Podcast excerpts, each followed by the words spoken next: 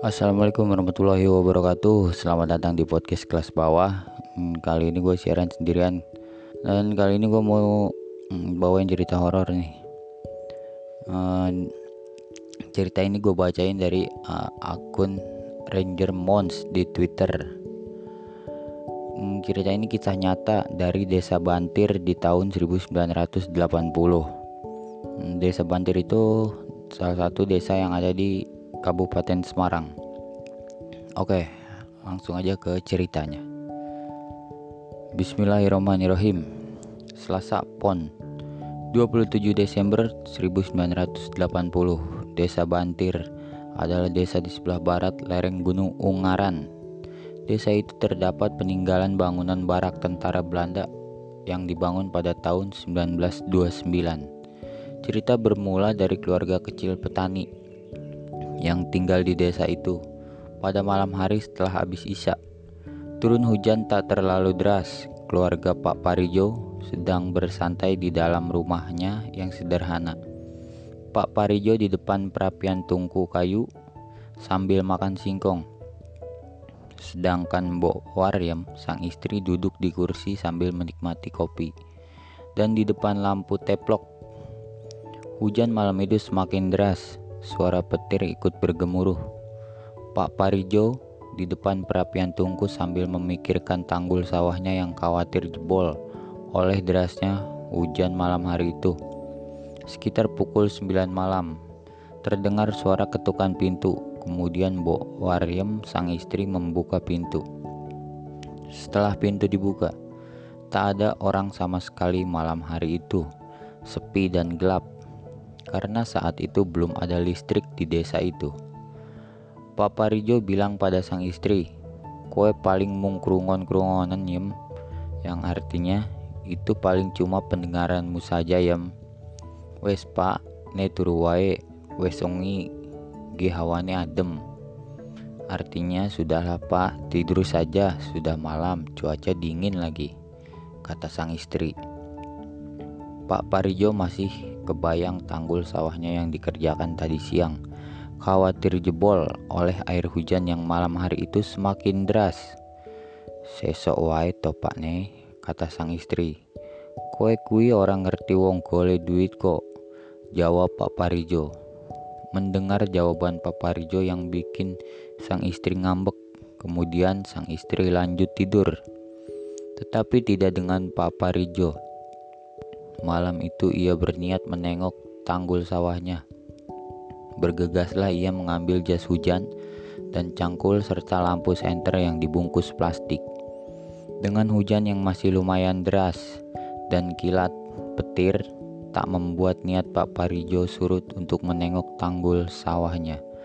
Belum sampai lokasi sawah yang ia tuju, Pak Parijo mendengar suara anak kecil menangis. Dicarilah sumber suara anak kecil yang menangis itu. Dan Pak Parijo melihat kedua anak kecil usia 10 tahun laki-laki dan perempuan. Tapi yang aneh anak itu bukan anak warga lokal, akan tetapi anak orang Belanda. Pak Parijo heran karena selama ini di daerahnya tak ada orang Belanda atau orang asing. Iki anaknya sopo?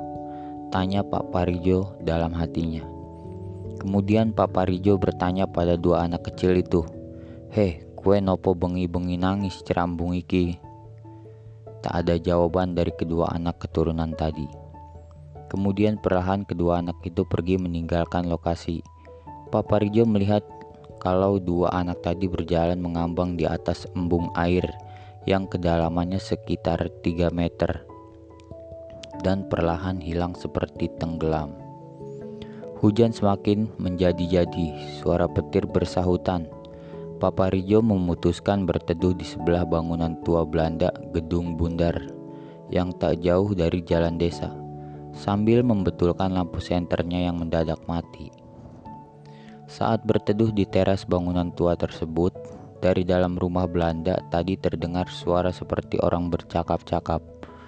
Kemudian dari dalam kamar mandi terdengar ada aktivitas orang mandi. Setelah senter selesai diperbaiki dan menyala kembali, Papa Rijo membuka pintu bangunan tua tersebut. Kali ini tak terdengar suara orang berbicara seperti tadi. Lalu membuka kamar mandi tak ada satu tetes pun air ada di dalam kamar mandi tersebut. Sambil merasa ketakutan, Pak Parijo berlari meninggalkan rumah itu. Apesnya kaki Pak Parijo tersandung patok yang malam hari itu benar-benar gelap dan licin jalannya. Saat terjatuh, Pak Parijo seperti ditindih barang yang begitu besar dan begitu berat. Tak bisa bergerak, sayup terdengar suara seperti serdadu Belanda. Berbaris memakai sepatu karena malam hari suara kecil apa pun terdengar sangat jelas. Mata Papario melihat dengan sangat jelas malam hari itu. Ada beberapa barisan serdadu Belanda, tapi hanya setengah badan saja, hanya pinggang ke bawah saja, sedangkan badan sampai kepalanya tidak ada antara sadar dan tidak. Pak Parijo gak bisa bangun dari ia jatuh. Belum hilang rasa takutnya melihat penampakan serdadu Belanda tadi. Selanjutnya Pak Parijo melihat sosok seorang berjalan tanpa kepala. Di tangan kanannya sosok itu memegang kepala manusia. Di sisi lain, istri Pak Parijo di rumah menunggu sang suami dengan cemas karena hampir dua jam Sejak berangkat ke sawah, tak ada tanda-tanda suaminya pulang. Sang istri membangunkan kedua anak lelakinya bahwa menjelang pagi Paparjo yang tak lain ayahnya belum pulang. Sang anak yang bernama Sulistio berinisiatif menyusul ayahnya, namun dicegah emaknya. Sesuai tole wong yoi sepeteng, kata ibunya. Akhirnya, niat itu diurungkan oleh Sulistio sang anak terdengar suara ketukan pintu rumah mereka pada jam 2 malam. Saat istri Papa Rijo membuka pintu lagi, tak ada orang sama sekali, seperti pada jam 9 malam tadi. Opo yo seng totok-totok lawang kui, genderuwo wit sawijo kui yo. Artinya, apa yang diketuk-ketuk pintu itu genderuwo, penunggu pohon sawo hijau itu ya? kata Bu Warim pada anak-anaknya. Akhirnya, Bu Warim menutup kembali pintu rumahnya pada saat waktu yang bersamaan. Pak Parijo malam itu hanya bisa berjalan merangkak, berencana menuju rumah Pak Trimo yang tak lain mandor perkebunan wilayah tersebut. Pukul 4 pagi Pak Parijo tiba di rumah Pak Trimo dengan keadaan belum bisa berjalan dan hanya bisa merangkak. Diketuklah beberapa kali pintu rumah Pak Trimo. Akhirnya sang istri Pak Trimo membuka pintu. Belum bisa bercerita panjang lebar apa yang dialami oleh Pak Parijo. Kemudian diajak masuk ke rumah oleh Pak Trimo. Pak Parijo dibuatkan teh hangat oleh sang istri Pak Trimo. Setelah beberapa saat kemudian, diantarkan pulang. Saat sampai di rumah Pak Parijo, sang istri hanya bisa menangis melihat kondisi Pak Parijo yang seperti orang linglung. Pak Trimo pamit pulang setelah mengantarkan Pak Parijo. Belum jauh meninggalkan halaman rumah Pak Parijo, Pak Trimo melihat sosok hitam tinggi besar dengan mata merah menyala di dekat pohon sawo Pak Trimo dengan rasa takut berjalan setengah lari melihat makhluk astral itu. Sampai di halaman rumahnya sendiri, Pak Trimo juga melihat makhluk yang tadi berada di pohon alpukat bergegas masuk dan mengunci pintu rumahnya.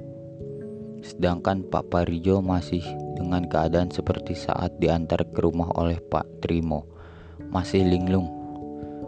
Sang istri pagi hari itu berniat pergi ke rumah Mbah Bongol.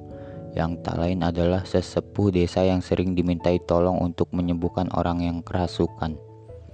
Setelah menceritakan dari awal hingga akhir apa yang dialami Pak Parijo, kemudian Mbah Bongol mulai bercerita bahwa tentang sosok dua anak menir Belanda yang dilihat oleh Pak Parijo adalah tumbal waktu pembangunan gedung tahun 1929 silam.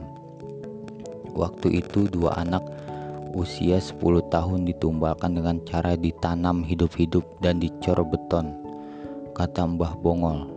mengenai sosok serdadu Belanda yang tak mempunyai kepala adalah korban saat perang kemerdekaan dengan cara dipenggal oleh tentara Jepang. Jasad para tentara itu dikubur dengan tidak layak dan hingga waktu itu banyak arwah yang gentayangan. Pak Parijo diobati secara bertahap oleh oleh Mbah Bongol hingga beberapa hari sampai sakit fisik dan mentalnya sembuh secara total. Demikian cerita ini aku bagikan yang bersumber dari orang sesepuh desa setempat. Segala puji bagi Allah yang hanya kepadanya kami memohon pertolongan dan mohon ampunan. Kami berlindung kepada Allah dari kejahatan dan keburukan amalan kami. Salam lestari. Nah, itu jadi cerita dari uh, akun apa nih akun Twitter Rangers Mon jadi dia bilang kata dia dia dapat sumbernya dari warga setempat sih dari warga sekitar oke terima kasih sampai ketemu di episode podcast kelas bawah lanjutnya. Bila taufiq hidayah wassalamualaikum warahmatullahi wabarakatuh